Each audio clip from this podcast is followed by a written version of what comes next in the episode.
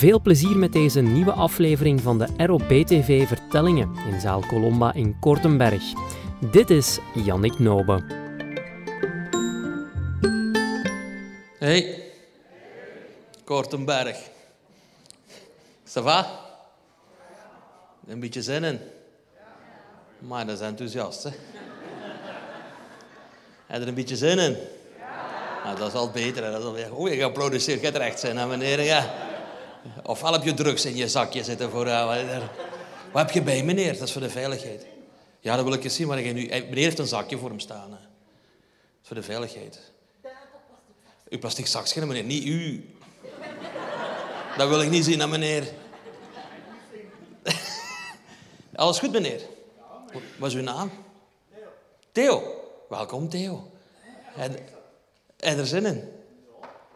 Beetje minder nu dat ik u gevonden heb, hè. Goed, we gaan direct de show van, uh, van wal steken. Ja, ik kom van Limburg. Jullie denken, dit wordt een lange avond. Zo, voor ik uh, van start kan gaan, kan iedereen uh, mij horen? Achteraan? Oké, kan iedereen mij verstaan? Sommigen doen al zo.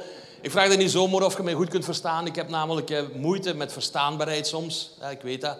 En dan moet ik een beetje op letten. En daarom vraag ik het ook of je mij allemaal kunt verstaan. Ik heb een reden dat ik moeite heb met verstaanbaarheid. Uh, ik heb namelijk een medische aandoening. Ja, normaal is dat geheim, maar ik voel vanavond in Kortenberg dat wij een band hebben. Die medische aandoening die kan je ook zien. Die bevindt zich in mijn mond. Spleetje niet roepen, het is medisch geheim, zeg ik net. Hè. Ik heb een spleetje tussen mijn tanden, kan je het zien? Achteraan ook. Ja, dan is geen spleetje niet meer. Hè. In Limburg zeggen ze wel eens, ja, als de voorste tanden van Jannik, eh, als de Maas, oevers van de Maas zo ver uit elkaar hadden gestaan als de tanden van Jannik, was er nooit geen overstroming geweest, zeggen ze daar eens. En het probleem met dat spleetje is, want meerdere mensen hebben wel een spleetje, hè, dat ben niet alleen ik. Maar de reden dat moeilijk verstaanbaar is, is dat spleetje is nieuw. Dus als je vijf jaar geleden foto's van mij bekijkt, dan kan je zien, geen spleetje. Hoe kom ik nu aan mijn spleetje? Ik ben naar een tandarts gegaan en de tandarts had tegen mij gezegd... Jannik, je hebt wijsheidstanden gekregen. Het is beter dat we die preventief verwijderen. En dat is een dokter, dus ik zeg oké. En een tandarts heeft mijn tanden verwijderd. En ze doen zeggen alle mijn uh, andere tanden... Kijk, van achter is nog plekje. dus mijn tanden schuiven op naar achter. Dat spleetje wordt groter. Mijn mond wordt breder. Verstaanbaarheid wordt moeilijker. Pas op, dat is een term voor hoor. De tandartsen noemen dat, in de, in de vakterminologie noemen ze dit een transgendergebit. Het spleetje is nieuw.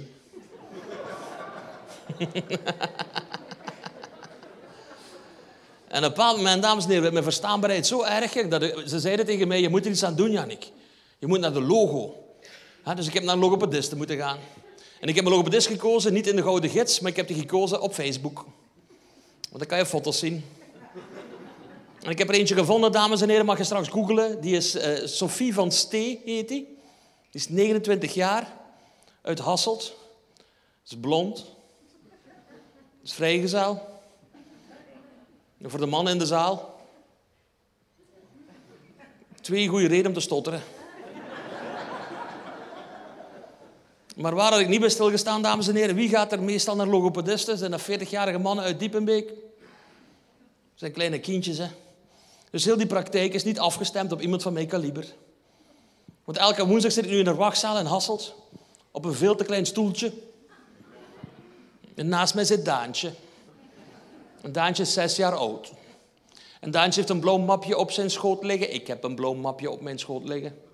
Daantje heeft op zijn blauw mapje zes smiley-stickertjes kleven. Ik heb op mijn mapje maar twee smiley-stickertjes kleven. Want Daantje had zijn oefeningen wel gemaakt dat weekend. Jullie hier weten hoe zesjarige Daantjes kunnen zijn een dag van vandaag. Arrogant, Dit is wat Daantje tegen mij zegt. Amai, meneer, moet jij nog altijd naar de logo? Ik zeg, Daantje, wilt u nog altijd twee voorste tanden in uw mond hebben zitten? Zal het kloppen, heb je reden om te lispelen, bieden. Maar dan komt ze mij halen, dames en heren. Het mooiste moment van de week, Sofie komt mij halen. En op een heel hulpse manier wandelt hij naar haar bureau. Ik volg haar.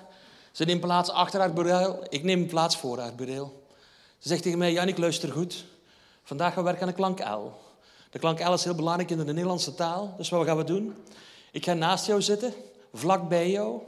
Ik ga een zin voorlezen, Jannik. En terwijl ik de zin voorlees, wil ik dat je kijkt naar de beweging dat ik maak met mijn mond. Ik wil dat je kijkt naar de beweging dat ik maak met mijn tong. Ik zal de zin extra langzaam voorlezen, Jannik. Als ik de zin heb voorgelezen, dan zeg je de zin na. Ze zegt, ben je klaar, Jannik? Ik zeg, Sofie, het zal wel zijn. Ik zeg, Sofie, ik ben nog nooit zo klaar geweest als nu. Ik zeg, Sofie, als je nog wat langer uitlegt, dan ben ik te klaar. Als ze mij begrijpen wat ik bedoel. En ze komt naast mij zitten en met de meest sensuele stem ooit. En ik verzin dit niet. Dit is de eerste zin dat hij voorleest. Oké, okay, Jannik, let op. Ik lik van een lange, lekkere lolly. Ik.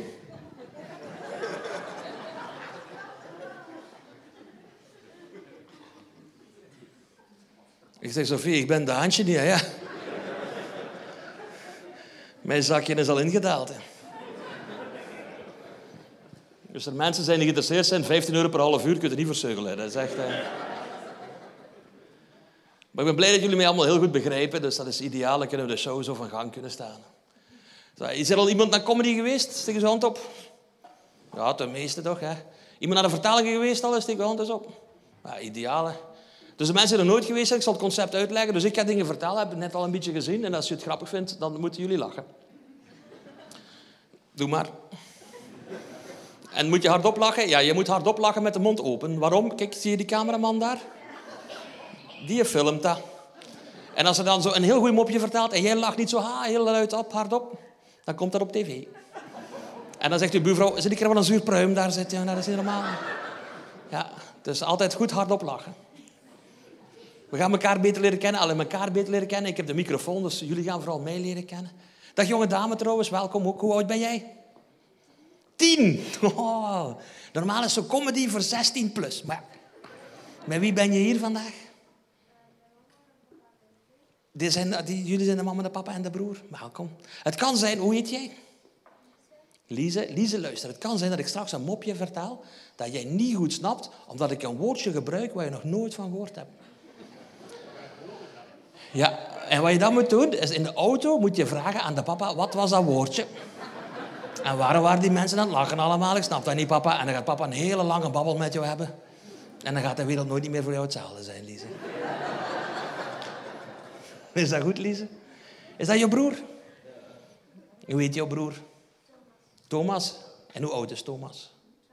Twaalf. Is het een lieve broer? Soms.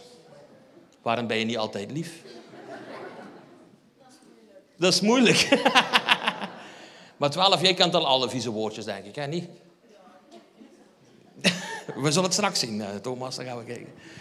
Dus we gaan elkaar een beetje leren kennen. Dus je hebt al gehoord, ik ben een beroepsmilitair. En... Ik had hier een klein applaus verwacht, hè. Kortenberg. Oh. Vladimir Poetin is net gewelddadig Europa binnengevallen, een jaar geleden. Ik heb een eet gezworen, ik een kogel zou opvangen opdat Vladimir Poetin u niet zou raken. Ik zeg, ik ben beroepsmilitair. En geloof zoiets van... Dat is goed. nee, ik snap dat wel. Ik ben al heel lang beroepsmilitair en ik snap, ik krijg de reactie vaak zo. Uh, dat is, bij Belgen zijn zo... We hebben te veel Xavier Waterslagers gezien, denk ik. Hè. Ik ben nogthans heel lang beroepsmilitair. Ik ben leger ingegaan toen ik 16 jaar oud was. 16, dat was de opleiding kindsoldaat. Dat was toen heel... Uh, en die opleiding die was niet eh, in eh, Limburg, die opleiding was in Zedelgem. Weet jullie dat zijn? Zedelgem? Dat is West-Vlaanderen. Dus ik was een jonge Limburgse jongen van 16. En ik ben het leger ingegaan. Ik ben de trein opgestapt naar Zedelgem bij Brugge. En daar ben ik het leger ingegaan en ben ik op een internaat voor terechtgekomen in een kazerne. Dat was een cultuurshock voor mij. Want de eerste keer dat, wij zo, dat ik door had dat echt een cultuurshock was, was toen we uitgang kregen. Dus als we braaf waren, een goede punten hadden, mochten we op woensdagavond mochten we de stad in tot 11 uur en dan mochten we een pintje drinken. En ik zat op café en ik had een meisje leren kennen, die was 18 en die was uit Ieper. En ik zat aan een toog en ik was die de hele tijd over haar benen wrijven. Zo. Dat is een supergoeie tactiek. Doe maar eens met die naast u, doe maar. Maar niet of dat uw vrouw niet is. Kom aan, dat is een gezellige avond. Dat is ROB TV. Iedereen doet mee. Kom aan. En ik was er zo twintig minuten over haar benen wrijven en na twintig minuten komt hij zo en die zegt dit in mijn oor. Je maakt me zot, ga je mee naar buiten?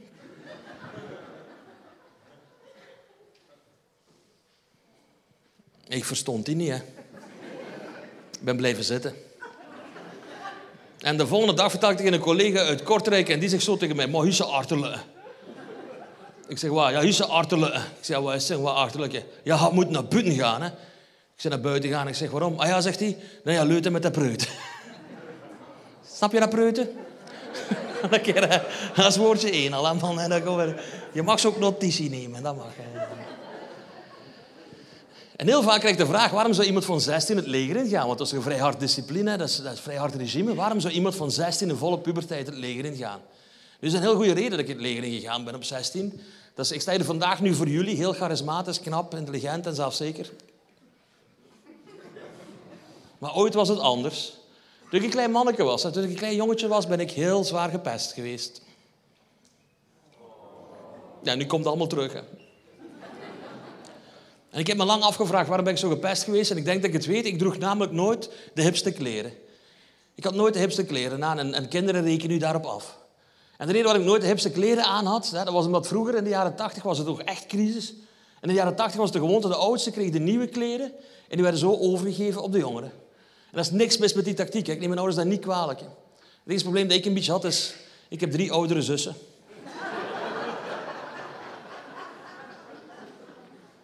Ik was transgender voordat het hip was. Dan stond ik dan op de speelplaats met een minirokje. Mijn mama zei nogthans tegen mij, maar dat is geen minirokje, Jannik, dat is een kilt. ik zeg, maar op een kilt staat een minimoos op een kruis geborduurd. Hè, ja. En ik heb graag lammen gehad op school en denk, dan moet ik leren vechten, ben ik het leger ingegaan.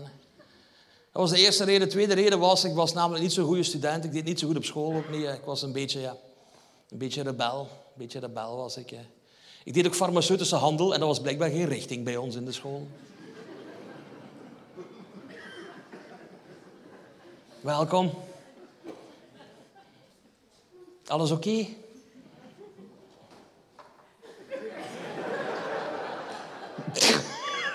Ja. Toch, ben blij dat je dat toch geraakt bent. Je hebt al veel gemist. Zij gaan vragen wat preuten betekent. Hij wil niet zeggen wat in zijn zakje zit. En daar is er gratis fruitsap. Waarom komt hij u te laat zijn? Het is zijn fout. Is het uw fout? Wie zijn fout is? De regen.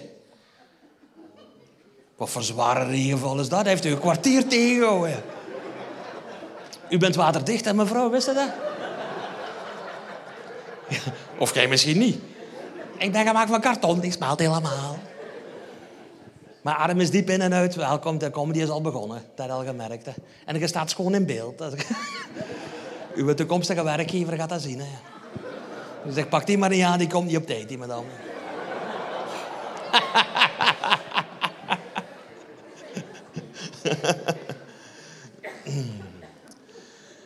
Nee, ik was vroeger een beetje rebel op school. En dat was ik. Was een rebel op school. En dan kom ik, ben, eh, in comedy doe ik dat ook. Hè. Je ziet dat. Ik, ik, probeer altijd een beetje gevat te antwoorden. Dat is zo, ja. En ik probeer dat grappig te zijn. En ik bedoel daar niks kwaad bij. Hè. Ik meen dat allemaal niet. Hè. Dat is gewoon dat mensen lachen. En dat was ik vroeger als klein manneke ook al, op mijn vijftiende. En ja, mijn leerkrachten die hebben een heel slecht gevoel voor humor, vond ik altijd. Hè. Ja, er zijn leerkrachten hebben een heel slecht gevoel voor humor. Zijn er leerkrachten hier? Ik heb ze al zien zitten. Ze zitten zo met een armen overeen. Komen te laat. Ja, twee maanden vakantie. Ja. Nee, zo wil ik nog eens Juffrouw van Frans bijvoorbeeld. Ik had een juffrouw van Frans en toen ik daar les van kreeg, was die 118 jaar oud. En juffrouw van Frans, ja, die had nog zo van die, van die onderrokken uit kant, had hij zelfs nog aan. En die zei altijd hetzelfde zinnetje als ze binnenkwam en dat, dat ging door mijn merg uit. Altijd zei ze zo, bonjour tout le monde. En dan ging mijn dingen terug zo, oeh. Prenez votre journal de klas. En ik. En ik had er natuurlijk nooit geen agenda bij. Hè. Nou, had ze dat gezien, dat ik geen agenda bij had, dan was ze kwaad. Hè. Dan zei ze, Yannick, hoe is votre agenda? Dan zeg ik, niet bij, mevrouw. Pourquoi pas? Ik zeg, ik heb dat niet nodig, mevrouw. Comment? Ik zeg, madame, elke dag als je hier komt werken, heb je een spadader bij op je onderbenen. Als ik wil weten welke dag van de maand we zijn, moet je gewoon aan de spadader stellen. Ja, jullie lachen nu, maar zij niet, hè. Zij moest dan wenen. dan was ik gelukkig. Of een andere een leraar, wiskunde. Vond ik ook zo dom vak in wiskunde vroeger. Dan altijd met zijn onbekende, met zijn raadseltjes.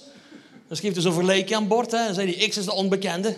Dan moesten wij 20 minuten daaraan werken. En dan mocht ik aan boord komen. En zei hij, hoeveel is X? Dan zei ik, dat weet ik niet. Hij zei, ja, hoe? Weet je niet? Ik zei, ja, dat is onbekende. Ja, ja. Wat is het mij? Ja. Of vierkantswortels of derde maagwortels. Ken je dat? Dat vond compleet nutteloos. Derde maagwortels.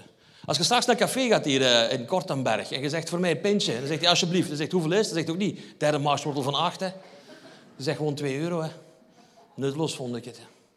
En op een moment vond dan de directeur ook dat het ook heel nutteloos was voor mij voor nog in school te blijven. Dus ik ben hem maar van school gesmeten. Dat zei hem. Jij wordt van school gesmeten, Janneke. Jij bent niet meer welkom hier in de groep. We hebben uw ouders gebeld en uw papa komt u halen. Mijn papa weegt 40 kilogram meer dan mij, is een kop groter. Die heeft een soort ambiorix snor. Ik was 15 en uw papa komt u halen. Omdat je farmaceutische handel deed, omdat je de leraar wat leven zuur gemaakt hebt. Dan ben je bang als klein mannetje. En mijn papa die kwam mij halen en ik stapte in de auto in en ik deed mijn gordel aan direct aan voor mijn eigen veiligheid. En ik zette mijn schrapverwachting komen en mijn papa die deed dit. Niks, hè. Die zweeg gewoon. Dat is nog erger, hè. Als ze zo roepen, dat vind ik niet erg, maar ze zo zwijgen... Zo teleurgesteld keek die gewoon naar mij. En toen kwam ik thuis binnen en toen zei ik in de zetel gingen we zitten. En mijn mama die was aan het wenen en mijn papa zei, wat nu, wat doe ik verkeerd? Ik zei, niks, pa. Ja, precies toch wel? Wat doet ma verkeerd? Ik zei, ja, niks, pa. Zeg, je zit van school gesmeten. Wij moeten iets verkeerd gedaan hebben, onze opvoeding dan. Ik zeg, nee, echt niet. Dat was allemaal maar om te lachen. Ah, om te lachen, zegt hij. Zie je mama lachen? Ja, nee. Hè. En ik zeg, mijn papa, weet je wat je gaat doen? Je gaat boven op je kamer zitten. En op je kamer ga je nadenken. Dat mag voor mij een uur duren, dat mag voor mij een week duren, dat mag voor mij een maand duren. Maar je gaat nadenken over wat je met je leven wilt gaan doen. En als je een plan hebt, dan kom je naar beneden. En eerder hoef ik je niet te zien. Dus ik ga boven op mijn bed zitten en ik zit rond te kijken op mijn bed. En ik zie een keer een bepaald een foto hangen van mijn opa. En mijn opa die is altijd leger. En ja, iedereen weet zo, als je je opa-figuur hebt, die is altijd heel geduldig met u, die is altijd heel lief met u. Daar kijk je naar op als klein manneke. En toen wist ik dat ik ga het leger ingaan. En dat ging vroeger nog. In 19 kon je op 16 het leger ingaan. Dus ik ga naar beneden. Ik zeg tegen pa, pa, ik het leger in. Ah, dat is misschien nog een goed idee, zegt hij. Mijn mama was er niet zo voor, want die denkt, als je naar het leger gaat, dan ga je direct sneuvelen in Oekraïne, denkt hij. Maar ik ben toch met het leger gegaan. Ik heb ingangstesten gedaan. Een paar is de dag aangekomen. Dat was 2 september en we reden naar Zedelgem.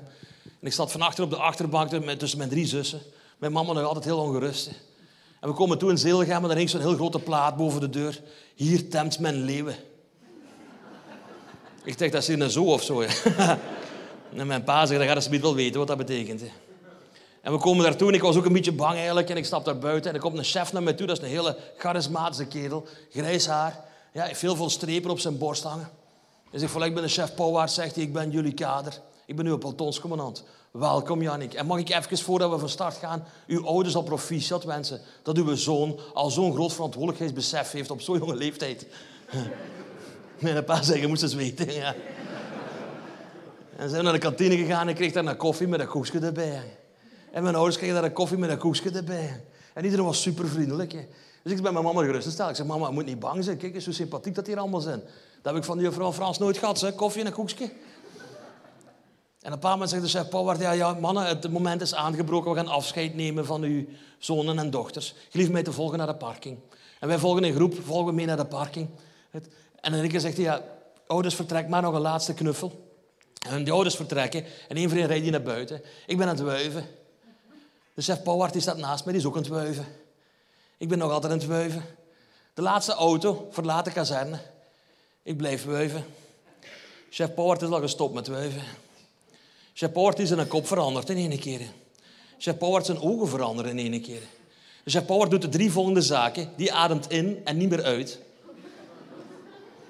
Die kijkt niet meer gewoon door zijn ogen, die kijkt door zijn wenkbrauwen. Uit zijn neus komt een of ander genuifelend geluid, gelijk een bronstige stier. Ik sta nog altijd te wuiven. Pauward doet dit. We zijn toen, je? Ik ben twee van de ma, chef Pauward. Stop daar eens mee. Ik zeg, ho, ho, maar kalm, chef moment dat ik zeg, maar kalm, komt hij naar mij toe. En die neemt zo'n aanloop met zijn voet. En die, zijn hiel, die raakt zijn kop van achter. Zo'n zwiep was dat. En met die ene zwiep doet zo woep, met twee benen onder mijn lijf uit. Vervolgens zet hij zijn botin met een kop, zo. En die zegt, voilà, jong Nobe, dat is uw plaats in de voedselketen vanaf nu. Onder de botin van de chef jong. En dat gebrepen met een groot bakketje. En ik zeg, ja, chef Pauwhard. ik kwam daartoe, mijn leeuwenroep was dit, miauw. Na twaalf minuten ja, was het nog zo. Zot was het daar. En moesten we pompen en we een peloton ingedeeld. En maar lopen en maar pompen en maar uitgescholden worden. En maar lopen en maar pompen. En het peloton, ja, ik had het peloton, het 54ste peloton gekregen. Dat was het toppeloton. Het 54ste peloton. En in zo'n peloton, dat ziet er zo'n beetje uit gelijk een, een klas. Of gelijk als je gaat werken, gelijk een werkgroep. En iedereen heeft zo ongeveer dezelfde mensen in zijn peloton zitten als ik. Ja, dat gaat je zien. Als een groep samengesteld wordt, bijvoorbeeld, hadden de, de ene, uh, de dikke. Elke groep had een dikke. En bij ons was dat de Vandalen. Was dat. dat was onze dikke, Michiel. Ja, we noemden die de dikke Vandalen. En die kon niet zo goed lopen, maar was niet erg, want hij had altijd snickertjes bij. Dus als je honger had, hij, deelde dat wel niet, maar hij had toch altijd snickertjes bij. Ja. Van ook bijvoorbeeld de, de domme. Elk peloton, elke groep in het, in het mensenleven heeft zijn domme. Als jij nu denkt, in mijn werkvloer zit er geen domme...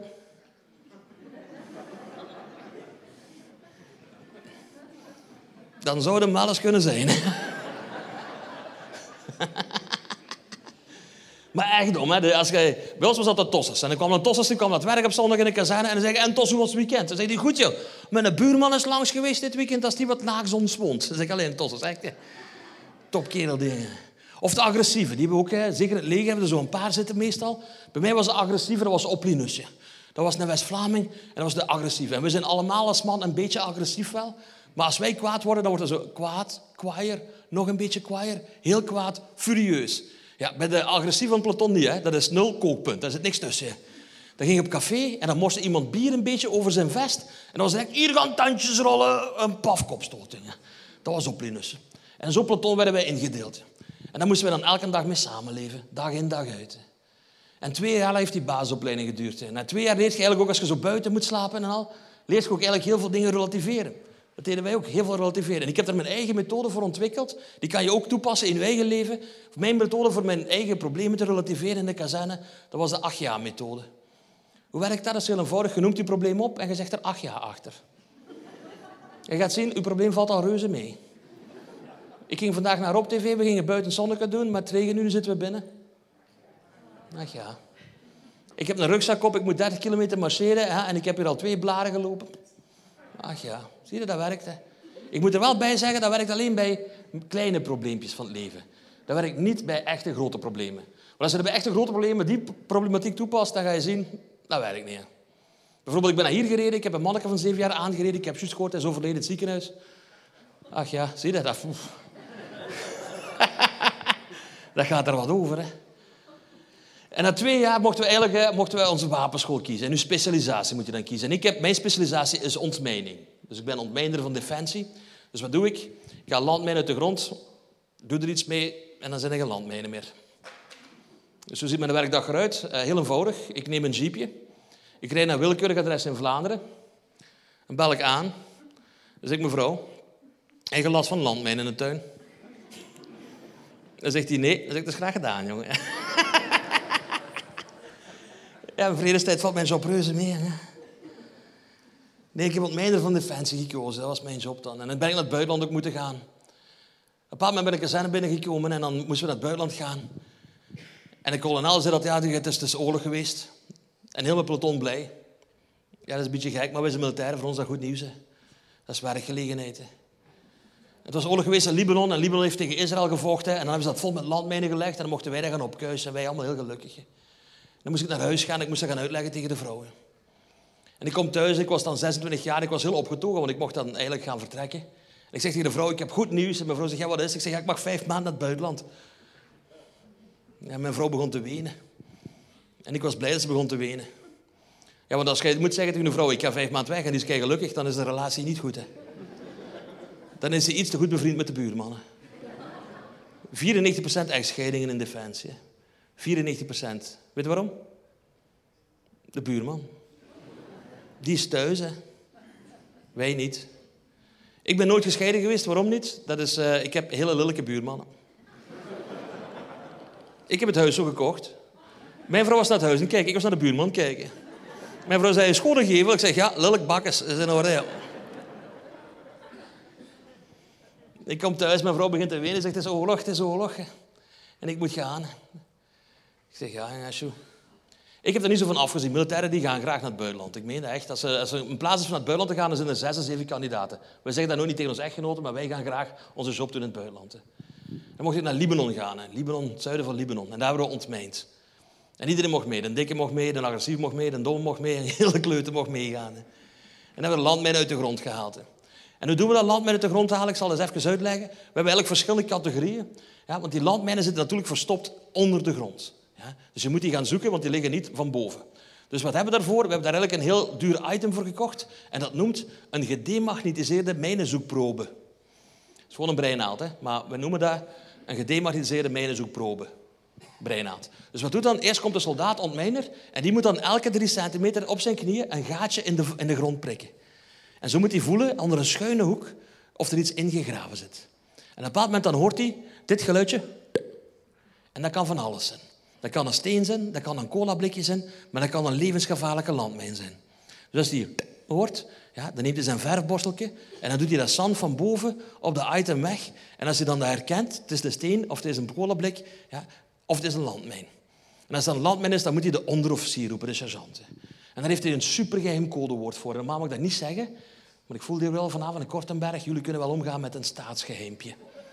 Ja, dus dat is een heel geheim codewoord. Daar zijn eh, denktanks voor georganiseerd. Daar zijn twee mensen major voor geworden. Daar zijn externe studies voor betaald geweest. Voor het supergeheime codewoordje te bedenken.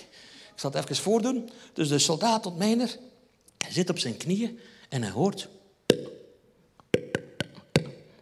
En dan denkt ik heb prijzen. En dan neemt hij zijn verfborstel. En dan ziet hij heel duidelijk de contouren van een landmijntje. Dan draait hij zijn hoofd naar achter en dan verwittigt hij de sergeant met het geheime codewoordje. Mijn! sergeant, mijn! Ja, ik ben zeker. Jo. En dan mag hij naar achter gaan. Dan komt de sergeant, dat is een supercoole kerel. Die is heel lang uh, naar school geweest ook, dat is de onderofficier. Hij heeft ook altijd een hele coole tandenstoker tussen zijn tanden zitten. En die komt er naar voren. Hij heeft een heel zwaar pak aan. Dan zegt die soldaat, gaat goed gewerkt, ga maar naar de zone, denk maar een caprisonneke, eet maar een suziewafel, je hebt pauze. En de sergeant die gaat dan zo op zijn knieën zitten en die schroeft dan dingen los van dat landmijntje. En dan haalt hij de ontsteker, verwijdert die van de springstoffen en dan heeft hij dat mijntje geneutraliseerd. Dat is die zijn job. Voilà. En nu is de vraag aan jullie, dames en heren, wie ben ik van de twee? Ben ik de soldaat-ontmijner of ben ik de onderofficier-ontmijner? Wat denk je, Theo? Wie ben ik? De eerste, de soldaatontmijner. De domme kloot eigenlijk, zeg maar. Ja. Die op zijn knieën zitten, als het echt belangrijk wordt, moet naar achter gaan. Hè. Jij bent een maat, hè. Eigenlijk is het een strikvraag, want ik ben geen een van de twee. Ik ben niet de soldaatontmijner, ik ben ook niet de onderofficier-ontmijner. Ik ben wat ze noemen de officier-ontmijner. Wat doet de officier-ontmijner? Wel, ik sta nog eens 50 meter achter die sergeant. en ik roep... Zit voorzichtig, ga je. Hey, mij voorzichtig. Veel papierwerk anders. Veel... Sommigen dragen de rugzak, anderen dragen de verantwoordelijkheid, zeg je altijd. Hè. Dat hebben we daar gedaan. We hebben daar 12.000 meisjes uit de grond gehaald met alle Belgen samen. Dat is mooi, 12.000 meisjes, maar er zijn 12.000 voetjes dat nog aan, aan kindjes vastzitten dankzij ons, dankzij de Belgische militairen. Dus ik begin zeg ik ben militair en jullie produceren niet, dat is niet erg. Ik heb voldoende genoeg met mijn job. Nu voelt u slecht allemaal. Hè? maar we gaan niet altijd over het leger hebben, hè, want dat is mijn beroep. Het is, ook, het is vakantie, dus we gaan het over iets leuks hebben. Hè. Ik heb een nieuwe vriendin. Drie maanden, ik ben super verliefd. Zie je het ook? ik ben ook 15 jaar getrouwd nog altijd. Dus. Nee, nee, ik, ik, heb geen nieuwe vriendin. Maar ik wil er soms wel eentje. Ik heb alleen ja, het is soms niet makkelijk getrouwd zijn. Zijn er hier getrouwd? Zijn jullie getrouwd? Het is liever niks dat je twee kinderen tussenuit zetten. Zwaar, hè? En hij is militair. Oh, je hebt me niet veel gezien dan, dan valt het mee. Hè? Hij is ook naar Libanon geweest. Ja, ik heb je dat niet gezien. Zijn wel echt naar Libanon geweest? Of zijn je gewoon met maat en vier maanden naar Phuket en Thailand gaan? Huppa. Wat ladyboys helpen. Ladyboys straks vragen hè, wat een ladyboy is. Ja. Leerrijke namiddag wordt het hier voor jou. Zijn jullie lang getrouwd? Je kijkt maar naar haar, ja. Goeie antwoord. Hoe lang verdraagt hem al? Ja, ik zie het aan u.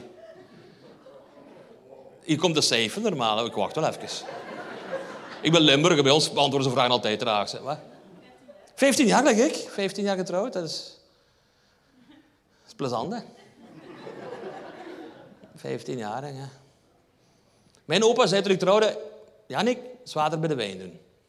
Is waar, hè? Een huwelijk is zwaarder bij de. Dus compromissen is een werkwoord. Ik ben 15 jaar getrouwd, ik denk al 13 jaar spa. Maar dat is niet erg. Ik lieg hoor, want het ging heel goed. Mijn huwelijk is eigenlijk één makkelijke wandeling geweest. Ik heb een heel goed vrouw leren kennen destijds. Die was blond, blauwe oogjes, kom met lommel, heel slim meisje, heel empathisch ook. Ja, heel goed gevoel voor humor. En ik wist als man, als je zo'n meisje leert kennen, ja, dan kan je maar één ding doen. Dat is een hele dure ring kopen, een restaurantje reserveren. Heb ik dan gedaan en dan ben ik met haar gaan uiteten. En aan het einde van dat uiteten heb ik die ring genomen. Ja, en met zo trillende handjes ben ik zo op één knie gaan zitten. En je weet als man, als je met een dure ring aan het einde van een restaurantje met een heel knap blond meisje zit en je wilt er een vraag stellen, dan weet je twee dingen zeker. Het eerste is, deze gaat mij geld kosten. En het tweede dat je met zekerheid wist, en dat heb ik ook haar gezegd, ik zeg, Eve, ik zie jou doodgraag. Ik wil bij u zijn, 24 op 24, 7 dagen op 7. Ik wil naast u wakker worden, ik wil naast u in slaap vallen. Ik wil met uw kinderen maken, ik wil die kinderen grootbrengen. En ik wil later met u in een rusthuis gaan. En in een rusthuis wil ik inslapen met kleinkinderen onder ons bed. Wil je alsjeblieft met me trouwen? En ze zei ja. En ik zei yes. Ik ben met haar getrouwd. En dat ging supergoed. Wat een supergoeie relatie. En 13 jaar was dat één grote wandeling, één groot feest, vond ik dat getrouwd zijn. En toen kwam COVID. COVID, ja. En ik mocht ik niet meer optreden. Kazerne toe. Optredens toe. Parochiecentrums toe. Winkels toe. Haarwerk toe. Kinderen, school toe. Alles toe. Ik was bij haar. 24 op 24. Ja. Zeven dagen op zeven. Ik werd naast haar wakker, ik viel naast haar in slaap. En na vier dagen quarantaine dacht ik, godverdomme, ik heb me leuk vergist destijds.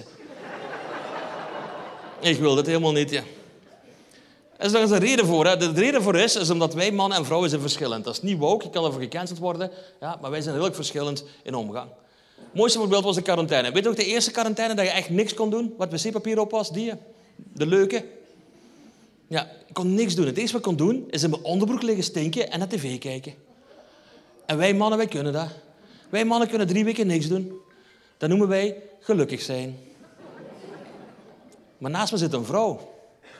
En ik zie jullie graag, dames, maar ik heb drie zussen. Ik heb een echtgenoot, ik heb een man, ik ken jullie beter. Ze denkt, jullie kunnen dat niet. Jullie kunnen niet niks doen. En sommige vrouwen zeggen, ik kan dat wel hoor, niks doen. Jij denkt misschien dat je dat kunt, niks doen. Ja, en fysiek kun je dat misschien een paar dagen of uren volhouden. Maar dit bij een vrouw, dat krijg je niet uitgezet. Hè. Zware dames. En als je morgens om negen uur ogen opdoet, dan begint dat gelijk een duurstalkonijntje. En wat bedoelde die gisteren? En was hij wel echt naar Libanon geweest? En wat heeft hij aangedaan? En waarom was die vrouw zo laat? En vraag me nou af. En was ook een aandoen? En de hele tijd mag maar door. Ratatatata. Heel de dag gaat dat door. Hè. Dus ik zit in de zetel. En dit is wat ik denk. Luisteren.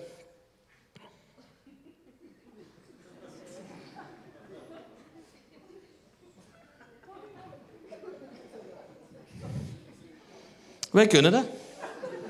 Meer nog, als man noemen we dit gelukkig zijn. Maar naast me zit een vrouw en die is zo rond een kijken. En ik weet als mijn vrouw zo rond een kijken is, dan is hij aan het denken.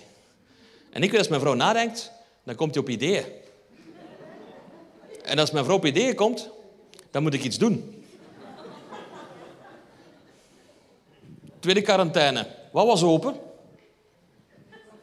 Dat doet zelf zaken, hè? Voilà. Een brico. Tweede quarantaine is begonnen. Ik keek er ongelooflijk naar uit. Ik kom thuis met een kitbag van de kazerne. Mijn vrouw zegt tegen mij... Janik, briefing. Zo praat hij tegen mij. Briefing. Ik ben commandant. Zij is precies major. Zit in leger. Ze met zo'n in rang als ik. Briefing. Ik zeg, kalm, zo. Ik zeg, over wat is briefing? Ja, ik heb er zitten denken. Zeg. Ik zeg, godverdomme. Ik zeg, voor wat is zitten denken? Zo. Ja, zegt ze, ik wil een nieuwe keuken. Ik zeg, van waar komt dat niet een keer? Ja, zegt ze, onze keuken is van 1983. Ik ben wel eens aan vernieuwing toe. Zeg, zwaar zo. Ik zeg, mag ik vragen van wat jaar jij geboren bent? Van 83. Ik zeg, ja, snap ik dat aan vernieuwing toe bent. Nu, toegegeven, ja, tijdens de quarantaine, het eten was wel aan de slappe kant, moet ik ook zeggen. Dus misschien lag het aan de infrastructuur. Dat kan. En ik zie mijn vrouw graag en ze kookt hele maaltijden. Dus ik heb ook gezegd, we hebben wat spaarcentjes zo. Jij maakt heerlijke maaltijden, weet wat? Jij mag kiezen. Carte blanche. Oh, oh, zegt er een. Die voelt het horrorverhaal aankomen, ja. Want dat mag je nooit doen met je echtgenoot. Hè. Carte blanche geven bij een verbouwing. Dat is een fout, die maak je maar één keer als man. Want ik, ik, echt, ik zie die graag, maar die flipt door. Hè. Zo zegt hij, kom maar, volg maar Jan. Ik zal eens uitleggen wat, wat ik heb zitten denken. Dus we wandelen de keuken uit. Ik loop achter die Jan, ik neem notitie, like het hoort. Aan het eind van de keuken staat een muur. Ja? En aan de andere kant van die muur is de eetkamer. Dus eetkamer, muur, keuken. Jawel, zegt ze, die muur moet weg. Volg maar, zijn die gedaan. We wandelen de keuken uit. Aan de andere kant van de keuken staat een muur. En aan de andere kant is de wasplaats. Dus keuken, muur, wasplaats, die muur. Jij wist het al, heb mijn vrouw gebeld of zo. Die moet ook weg. Ik loop erachteraan, ik zeg, zo waarom? Ja, ze tegen mij, luister dan, ik, ik wil een mooie, grote, open keuken. Met een heel groot, mooi keukeneiland. Ik heb thuis, en ik verzin dit niet, ik heb thuis een keukeneiland, dames en heren, van 4,60 meter lang. 4,60 meter. Ik heb twee muren moeten uitbreken voor de eiland erin te krijgen. 4,60 meter. Ik vraag me eigenlijk af waarom. Nou, kom, kom maar. Dat is maximum 35 centimeter. Wat moet hij met 4,25 meter extra werkblad? En ik heb nog iets dom gedaan als man. Ik heb nog geprobeerd te discussiëren met haar. Op basis van feiten. Dat moet je niet doen hè, met uw vrouw in discussie, dat werkt niet. Hè. Ik zeg, kijk eens zo, kijk, je die welven, die dallen, die lopen zo. Dat wil zeggen dat dat, dat is de steunmuur. Ja, en let op, hè, die andere kant, dat is hetzelfde verhaal. Hè. Die welven liggen daarop, dus dat is ook een steunmuur. Weet je wat ze mijn antwoord? Janik, luister. Ik heb dat gezien op Dobbit TV. Dobbit TV, ken je allemaal? Met Roger van Dobbit TV. Wat je meestal zelf doet, die een eikel. Die Roger, wat zo... Ik heb deze voormiddag de volledige badkamer gerenoveerd. Ik heb nog even namiddag tijd om een tuinhuis in elkaar te steken. Die Roger. Ik ben al acht weken bezig met een stopcontact te vervangen thuis. Ja. Die renoveert een half huis op een zaterdagje. En ons vrouwen geloven dat, hè, dat dat kan. Hè. Roger. Weet je wat Roger tegen haar gezegd had? Ik verzin dit niet, hè. Roger had tegen haar gezegd, luister, hè, dat is gewoon een poeterhalletje steken. Gewoon een poeterhalletje steken. Ja, we gaan de comedy show uitkijken, drinken nog iets, gaan we naar huis, kijken wat tv steken, poeterhalletje gaan we slapen. Hè. Gewoon een poeterhalletje steken, zegt hij. Ik heb een eet gezworen jullie allemaal te beschermen. Roger wat tegenkomt, ik even mijn nek schotten. Ja. Dat is toch waar, zeker? Maar ja, Limburg hebben we ook gezegd, ja, en dat heet het foefje wint altijd. Ja, dus, dus de steunmuren gaan eruit. Hè. Was er niet alles, hè? Want vroeger stond hier zo, de, de achtermuur stond hier zo de wastafel, de pombak. Zeg dat hier in Kortenberg, de pombak? De pombak stond hier. Maar in het nieuwe concept, want we hadden geen keuken niet meer, hè? we hadden een concept. In het nieuwe concept moet dat pombak in het eiland. Zo doet hij dat. Zo. In het eiland. Ik zeg zo, Alpexbuizen, ooit van gehoord? Ja, dat is toch gewoon steken, zegt ze. Roger zegt, dat is gewoon Alpexbuisje steken. Ik denk dat mijn vrouw denkt, dat meen ik echt. Ik denk dat mijn vrouw denkt, als je naar de brico gaat en je koopt je kraantje en je bij je thuis en je wandelt door je huis en willekeurig ergens maak je een gat in de muur en je vijst dat kraantje in dat gat. Ik denk dat mijn vrouw denkt, als je dat opendraait, dat dan water uitstroomt. Ik denk dat mijn vrouw denkt dat de spouwmuur gevuld is met stromend water. Pas op, een Peppenster in Luik, na twee jaar na de overstroming is het nog altijd zo. Maar dat is een ander verhaal, ja. Maar ik zie ze graag. Ik hou er heel veel van. Ik er ook bijblijven, want uh, ze heeft mij het mooiste geschenk ter wereld geschonken, een dochter. En dan, ja, dat vind ik als man. Dan moet je je engageren en steunmuren uitbreken en erbij blijven. Want wat zij gedaan heeft voor mij die dochter schenken, allee, ik was erbij. Was jij er ook bij? Je hebt het ook gezien. Hm. Niks bereidt u daarvoor voor als mannen. Een bevalling. Was een super zware bevalling ook. Eh, het heeft 31 uur heeft dat geduurd. Mijn vrouw heeft 31 uur arbeid geleverd. Dat was vreselijk eh, zwaar. Ik had maar sigaretten bij voor 24 uur. Dat echt...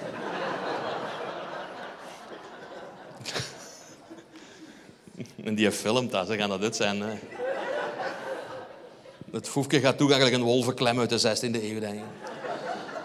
Nee, een bevalling, het is echt, het is niet, het is niet mooi. Hè? En je voelt je machteloos man.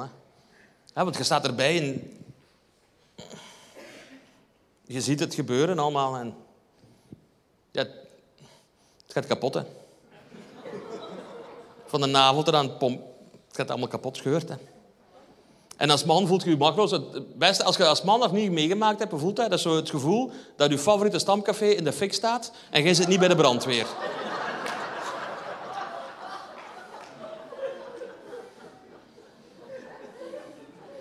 Toen kwam mijn dochter eruit. Toen denk ik, nu hebben we het ergste wel gehad. Mm, nageboorte. Daar praat nooit niemand over, hè. Dat heb ik eigenlijk ook gezien. Komt er ook uit, hè. Ik kan nog altijd geen lasagne van dichtbij zien.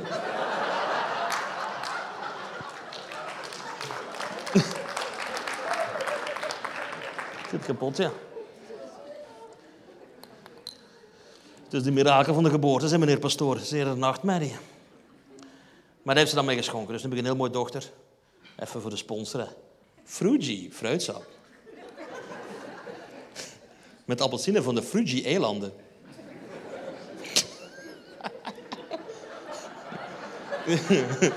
Boordevol vezels. Mm.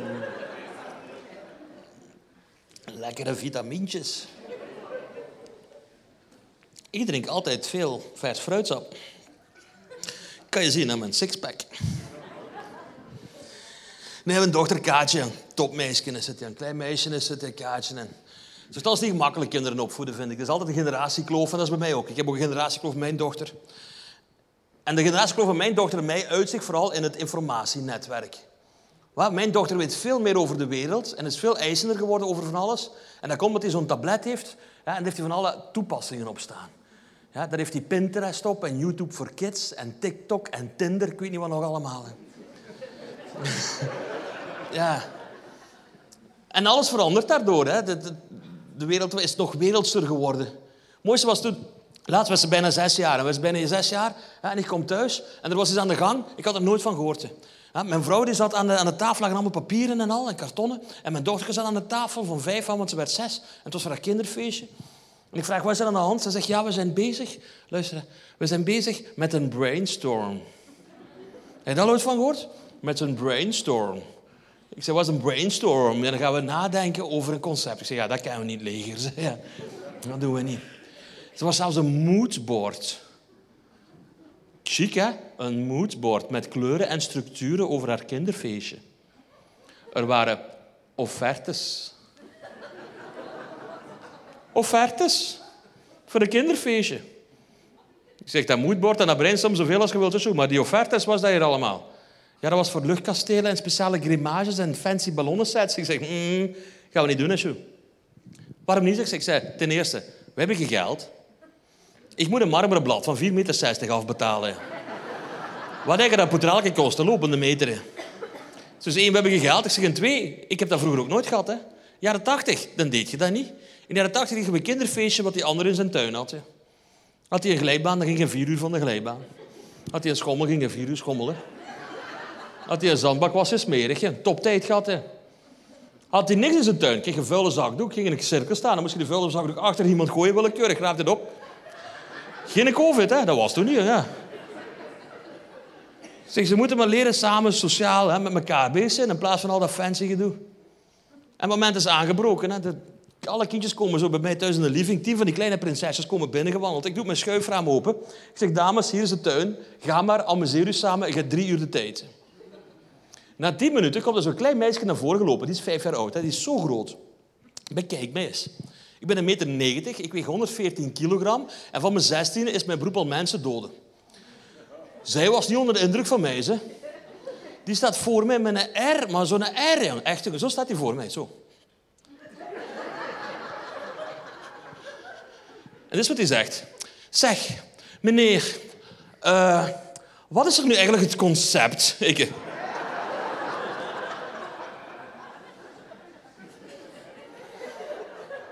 Het concept is 46. Zei, 46, zei ze mijn schoenmaat.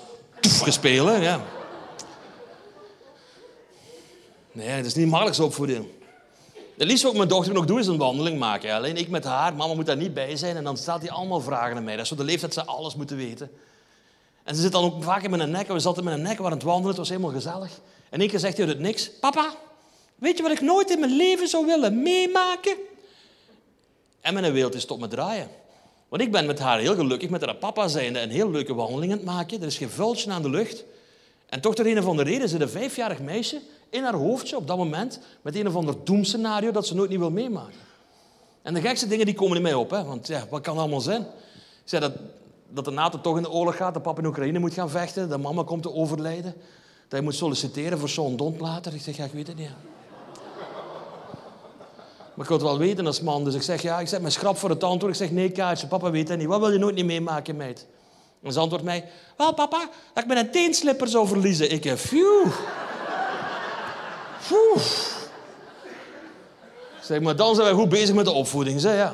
Als dat het grootste probleem is als klein meisje, dan heb je een gelukkige jeugd, vind ik. Wandeling is gedaan, ik kom namiddag in de gang. Ik zie dat twee van die Elsa Frozen teenslippers staan. Ik heb er eentje opgepakt, weggegooid, want je moet ze hard maken voor deze wereld. Hè.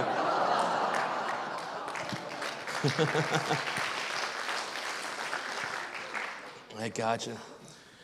Mevrouw en ik hebben altijd gezegd, wel maar één kleine. Eén kleine ook, want je kunt jezelf in armoede poepen. Dat gaat, hè. gewoon blijven kinderen maken. Want duur ben je arm, dat kost heel veel geld. En ik heb graag wat geld over op het einde van de maand. Maar dan ben ik mijn vrouw dankbaar, want mijn vrouw die weet dingen dat ik niet wist. Dat is echt waar, mijn vrouw weet dingen dat ik niet weet. Daar ben ik zo dankbaar voor. Zo kom ik thuis van de kazerne en zegt tegen mij... Janik, ga zitten, ga zitten, ga zitten. Luister eens, luister eens. Janik, Janik, Janik. Hey, heb ik u? Hey, kom je, heb ik u? Heb. Kijk, kijk, luister, luister. Ja? Luister, hè. Wij hebben het gevoel dat ons gezinnetje nog niet compleet is. Ik, Wist ik van niks dat wij dat gevoel hadden, maar blijkbaar was dat zo, ja. Wij hadden dat gevoel. Ja. En het voefje wint altijd. Dus zes jaar na Kaatje is mijn tweede dochter geboren, Lotte. Heel mooi meisje ook. En veel vrienden mij gewaarschuwd. Ja, ik doe dat toch niet? Je zit uit de pampers nu. Pak toch niet opnieuw een baby? Kom aan. Hè. Ik zeg, waarom niet? Ja, waarom zou dat doen? Ja, ik zeg, ja, wij hebben dat gevoel. Ja, maar ja, zegt hij, zo'n baby, ze dat vergeten misschien, dat is kei zwaar. Ik zeg, dat is niet, kei zwaar, dat is 2 kilo 9. Ja. Ik ben kei zwaar. Nee, nee, om de drie uur is zo'n baby honger. Ik zeg, ja, ik ook. Ik geef die kleine flesje, ik eet een Bikkie Burger, iedereen tevreden. Hè. Nee, weet je wat zwaar is? Dat is wat wij als maatschappij ervan gemaakt hebben. Het mooiste voorbeeld is dat flesje geven. Dus ik geef mijn dochter een flesje. Ja, ik spoel dat flesje af in de pombak. Ik zet dat daar gereed. Ik leg dat kindertje in dat kribbetje. Klaar. Niet meer, hè. Vroeger was dat klaar. Nu, de dag van vandaag, is dat pas het begin van de sequentie. Dus ik had dat gedaan. Mijn vrouw die krijgt stoom met haar oren. Die wordt compleet zot. Ik zeg, ja, waarom? Is helemaal verkeerd, hè, Janik? En al de rest? Ik zeg, wat is de rest? Ik zal u uitleggen nu wat ik moet doen als ik mijn dochter een flesje gegeven heb. Ik moet dat flesje afspoelen. Dan moet dat flesje volledig demonteren.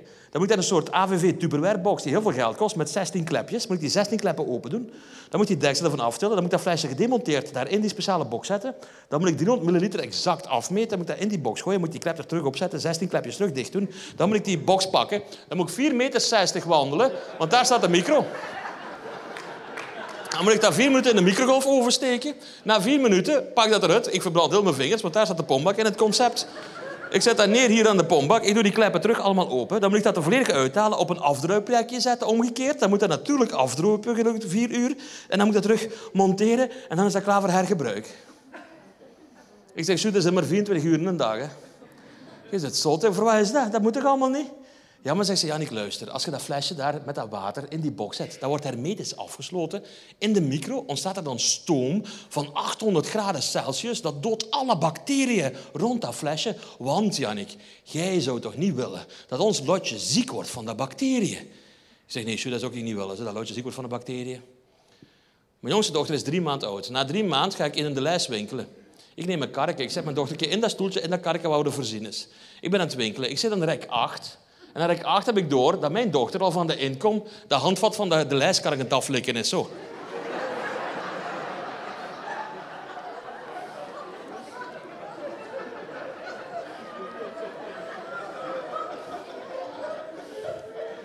Ik zeg nog maar goed dat we die flesjes ontsmetten, hè, want ja. Kind zal anders niet kunnen worden van bacteriën. Maar maak ik me zorgen? Ik maak me geen zorgen, want ja. Het is een meisje, als getrouwd is, gaat dat liggen er wel uit. En jij knikte dus, ja kerel, dat moet niet doen. Hè. Mijn vrouw kijkt geen ROB-TV, die van u zit er even. Nee, heb nog af en toe een brassen?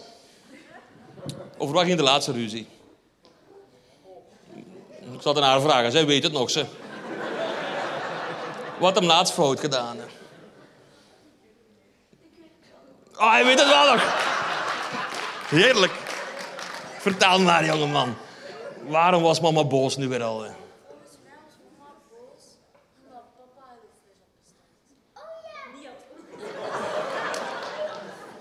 Wat had hem gedaan? nog een zonder dat te laten weten. Ja, mijn mama dacht dat de vorige Hello Freshbox laat was, maar papa had er dus blijkbaar niet in besteld. Oh, de papa had twee Hello Fresh boxen besteld. Oh, wat een smeerlapje. Ik zou scheiden in het huis afpakken van hem, ik van u was, ja. Ik zei naar de notaris, ga twee Hello Fresh boxen. Wie denkt in één keer wel niet dat te missen? Ik had gedacht dat buurvrouw gebeft of zo. Nee, het was de Hello Fresh box. Het was een Hello Fresh box bestellen. maar het is toch goed gekomen. Ze hebben het goed gemaakt. Luide geluiden uit de slaapkamer. Dat is de laatste keer dat die kinderen meepakken naar comedy. Nu, mooi bekentenis. Ik zal zelf ook de ruzie geven. Ik zal mijn laatste ruzie even met u delen en dan zit het hier ver op. Mijn laatste ruzie met mijn vrouw was... eh, het was echt heel fout begrepen, want ze had een romantisch bevliegingsje. Mijn vrouw heeft dat soms een romantisch bevliegingsje. We zaten tv te kijken en zegt tegen mij... Janik, ga jij maar vast naar boven? Ik ga nog even in de douche. En ze knipoogt. En ik denk... Yes. Het is toch niets met een verjaardag, ja. Dus ik ga naar boven, ik ga in bed liggen. En ik hoor ze in de, in de badkamer bezig. En vrouwen die kunnen dat soms. Het was het groot onderhoud in de douches. Ken je dat zo? Het grote onderhoud. Hè? Vrouwen kunnen een klein douche pakken, maar ook het groot douche pakken. En dat was het groot douche. Heel de, heel de repertoire van het kruidvat kwam aan bod. hè. Vocht inbrengende zalfjes, pomades, roze scheermesjes, de hele rattenplan. hè. Na 22 minuten komt hij naast me liggen, poedelnaakt. Die neemt mijn hand vast en legt het van boven op haar net geschoren sponsje. Zeg dat niet hier, een korte melksponsje? Er zijn kinderen hier, hè. Vanaf nu wel, dus... eh. Het is toch een mooi eufemisme, hè, sponsje? Want het is zacht en als erin knijpt, wordt het natter. Je kunt er ook je auto mee wassen. Slangverhaal gaan we nu niet doen. Waar was ik? Die in mijn hand vast, van boven op een net geschoren sponsje. En met de meest sensuele stem zegt hij tegen mij zo... Yannick, je weet wat dat betekent? En ik antwoord, ja, dat dat voor putje en douche nu verstopt zit.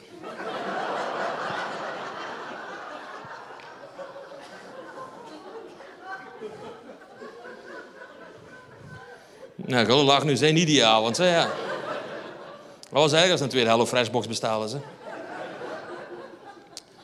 Maar goed, ik heb me ook geëxcuseerd. Dat was een flauwe opmerking van mij. Ik heb me geëxcuseerd. Als man doen we dat ook zo. We zijn een fout. We zeggen, sorry Sjoe, dat was echt niet de bedoeling. Ik heb geen rekening gehouden met jouw gevoelens en hoe dat kan overkomen. En daardoor dat je gekwetst bent en dat ik de laatste persoon ben die je zou moeten kwetsen. Als je zijn je liefhebber, echtgenoot en papa van je twee dochters. Het spijt me zozeer. Eh, 15 jaar getrouwd, dan leren dat. En dan is ook voor de mannen is de ruzie gedaan ook. Hè. Dan is het ook afgelopen. Niet voor. Vijf dagen later begint hij opnieuw over die ruzie. Ik als man, ik heb nog altijd niet door dat dat terug over die ruzie ging. Maar die zegt tegen mij zo... Janik, daarover, kun je ook zo een keer zo... Ik zeg, wat bedoelde? Ja, zo een keer zo... Ik zeg, "Sjoe, ik weet niet over wat je het hebt. Ja, ja zo een keer zo... Ik zeg, "Sjoe, we zijn 15 jaar getrouwd, ik iets moet doen. Zeg het gewoon, ik ben een man, ik voel niks aan. Zeg me gewoon wat ik moet doen. Ja, zo een keer zegt ze, de haak scheren. Ik zeg, "Sjoe, het giet al een week buiten. Het is niet de haak te scheren. Nee, zegt ze, kun je er ook zo eens bijscheren? Ik zou dat wel eens fijn vinden bij u. Ik zeg, ah, oké, ja, sjoe, oh, ja, niet aan gedacht. Ja, tuurlijk wil ik dat doen voor u. Dat doe ik voor mij, dus ja. Wat wil hebben? Ik zit een bol, een kubus. ik nog altijd aan die hagen denken, hè. Nee, nee, zegt ze tegen mij, een fris zomerkoepje. Lijkt meneer, dat is een fris zomerkoepje. Je hebt toch een fris zomerkoepje, hè. Ik zie uw kop gewoon hier zo. Nee, zeg zo, ik doe dat wel voor u. Maar dan heb ik een probleem. Ik weet niet hoe dat moet. Echt niet. Ik, ik ben een kind van de jaren 80. Mijn papa heeft nooit tegen mij gezegd... Zoon, 14 jaar oud, zet u de zetel, neem notitie, vandaag les balzak scheren. Uw papa leerde dat niet in de jaren 80, hè? Maar de vrouw wil het graag. en Het foefje wint altijd. Dus ik denk, oké, ik ga naar de badkamer. En ik ga gewoon kijken bij wat we dat kunnen doen. En we doen dat voor de vrouw. En ik kijk in de badkamer. En inderdaad, in de badkamer liggen een hoop spullen waar dat mee kan. Het eerste is mijn scheermesje. Ik ga tien ervoor, hè. Maar ik heb zo'n Gillette Fusion 7 laser titanium gesneden messen. Ik denk, ja, voor dat ding hier te zetten. Ik ben een gezonde jongen, maar ik heb geen centimeter zijn bovenschot ook niet, hè. Het tweede wat ik tegenkom is iets van de vrouw. Veet. Kennen jullie dat? Voor de mannen dat mij vragend aankijken, veet. Ik zal het uitleggen een manier dat jullie het snappen. Dus we moeten doen, je geeft een plastieke strip. Smeer de tekst 7 op.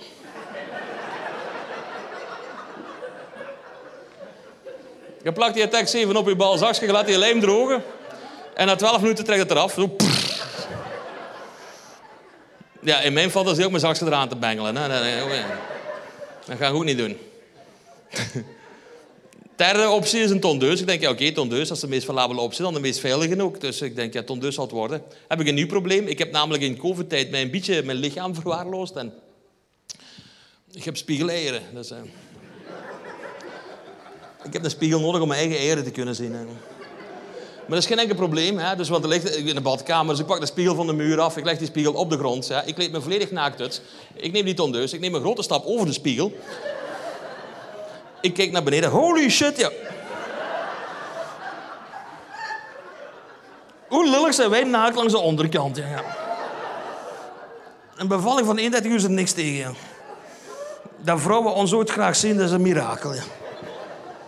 Maar het is voor de vrouw, dus. En, en ik begin eraan, het gaat redelijk goed.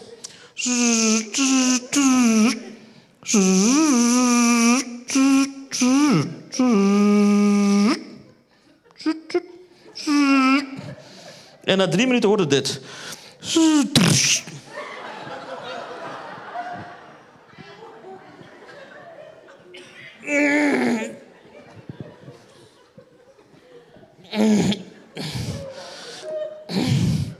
Mijn velken ertussen,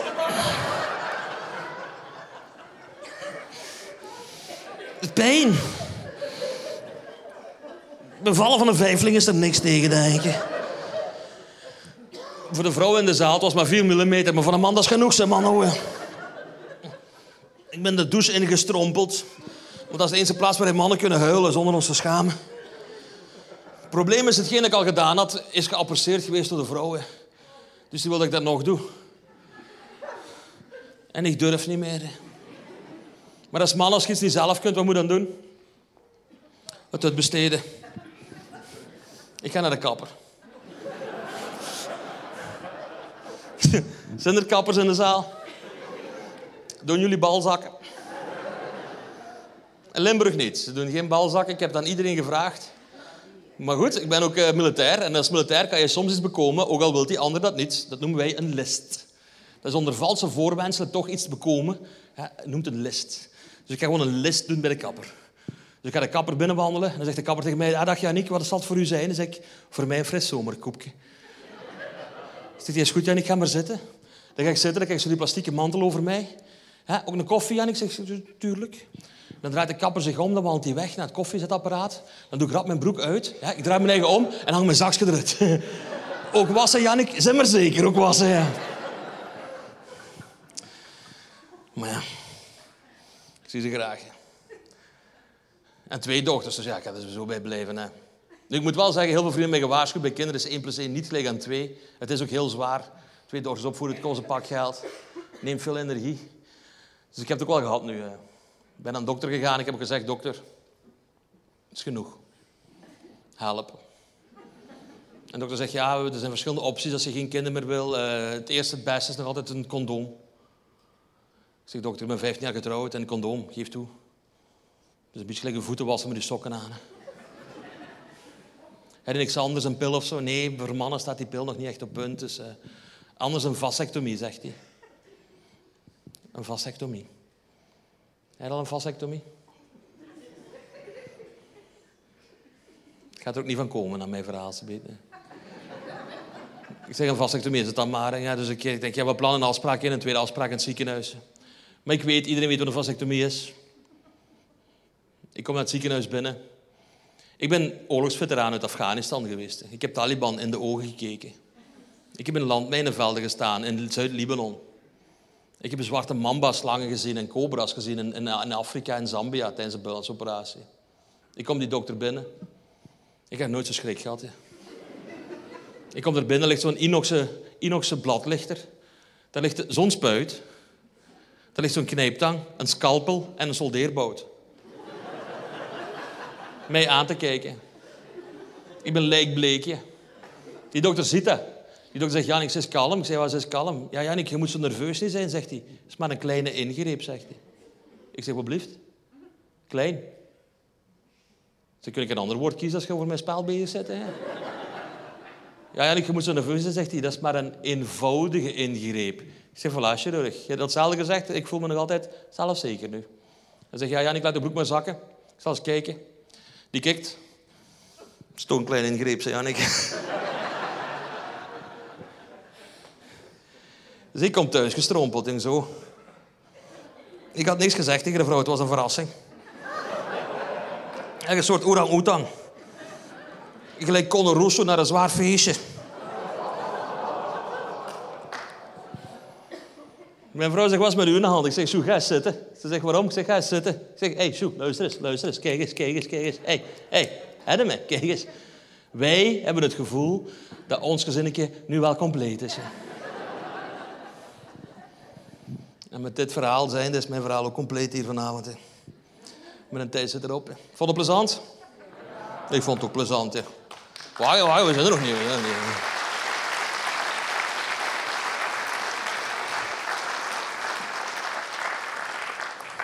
Ik weet wat in het zakje van Theo zit. Ja. Ik heb het gezien, zo Theo. Ja. Jij denkt fruitsap, ik denk het niet. Ja. Ik denk dat we voortaan moeten vragen of ROB TV wordt gesponsord door Carapels. Kijk gelijk, hè. Geen drugs, dat moet ik allemaal niet weten, man. Theo zit leger. Hè.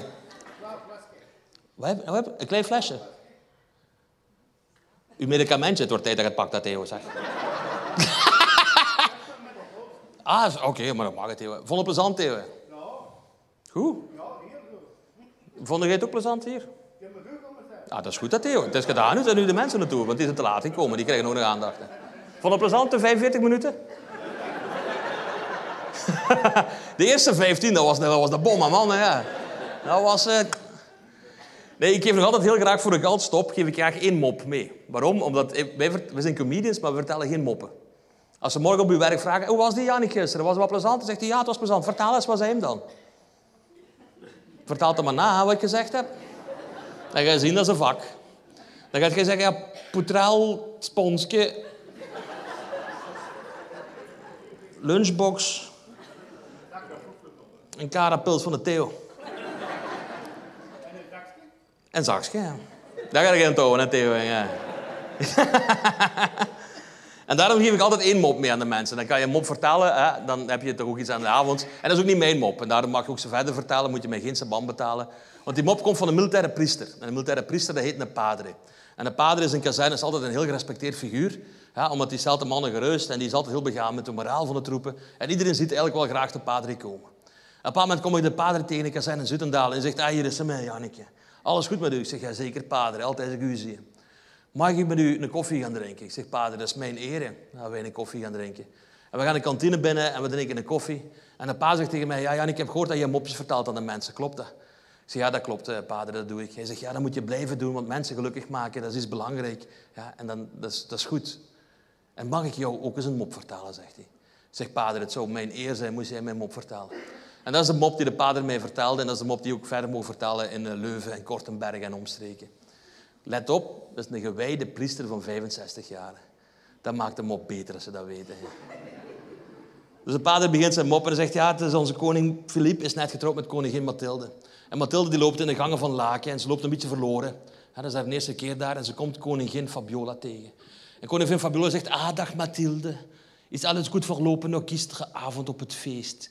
Ik ben vroeg gaan slapen, je moet begrijpen, mijn leeftijd, die festiviteiten. Het is allemaal een beetje veel voor mij.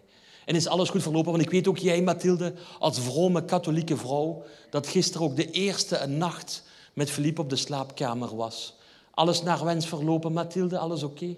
En Mathilde begrijpt die vraag verkeerd. Dus Mathilde begint uit te leggen in geuren en kleuren en details. En die Fabiola die is helemaal gechoqueerd. En Fabiola zegt, stop, stop, stop, Mathilde, alsjeblieft. Zeg, alsjeblieft, die goedant. Dat moet ik allemaal niet weten. Luister Mathilde, volgende keer als Philippe zoiets met jou gedaan heeft, dan moet jij gewoon zeggen, gisteren heeft Philippe spek gebakken. En als je zegt Philippe spek gebakken, dan weet ik genoeg. Ah, sorry, zegt Mathilde, dat wist ik niet. Hè. Die gaan met elkaar, twee weken later komen die elkaar terug tegen in de gang. En Fabiola die vraagt aan Mathilde, en Mathilde, hoe is het nu met onze Filip na twee weken huwelijk? Ja, heel goed, zegt Mathilde Elvier. Gisteren heeft onze Filip twee keer spek gebakken.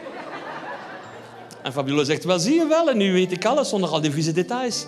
Ja, zegt hij. En daarna heeft hij heel de pan uitgelekt. ik was Jannik Nobe, jullie waren geweldig. Dank dat ik hier mocht zijn. Heb je genoten van deze vertelling? Kom dan zeker eens luisteren op een van onze volgende edities. 15 augustus in Tremelo en 22 augustus in Bekkenvoort. Alle info op www.robtv.be.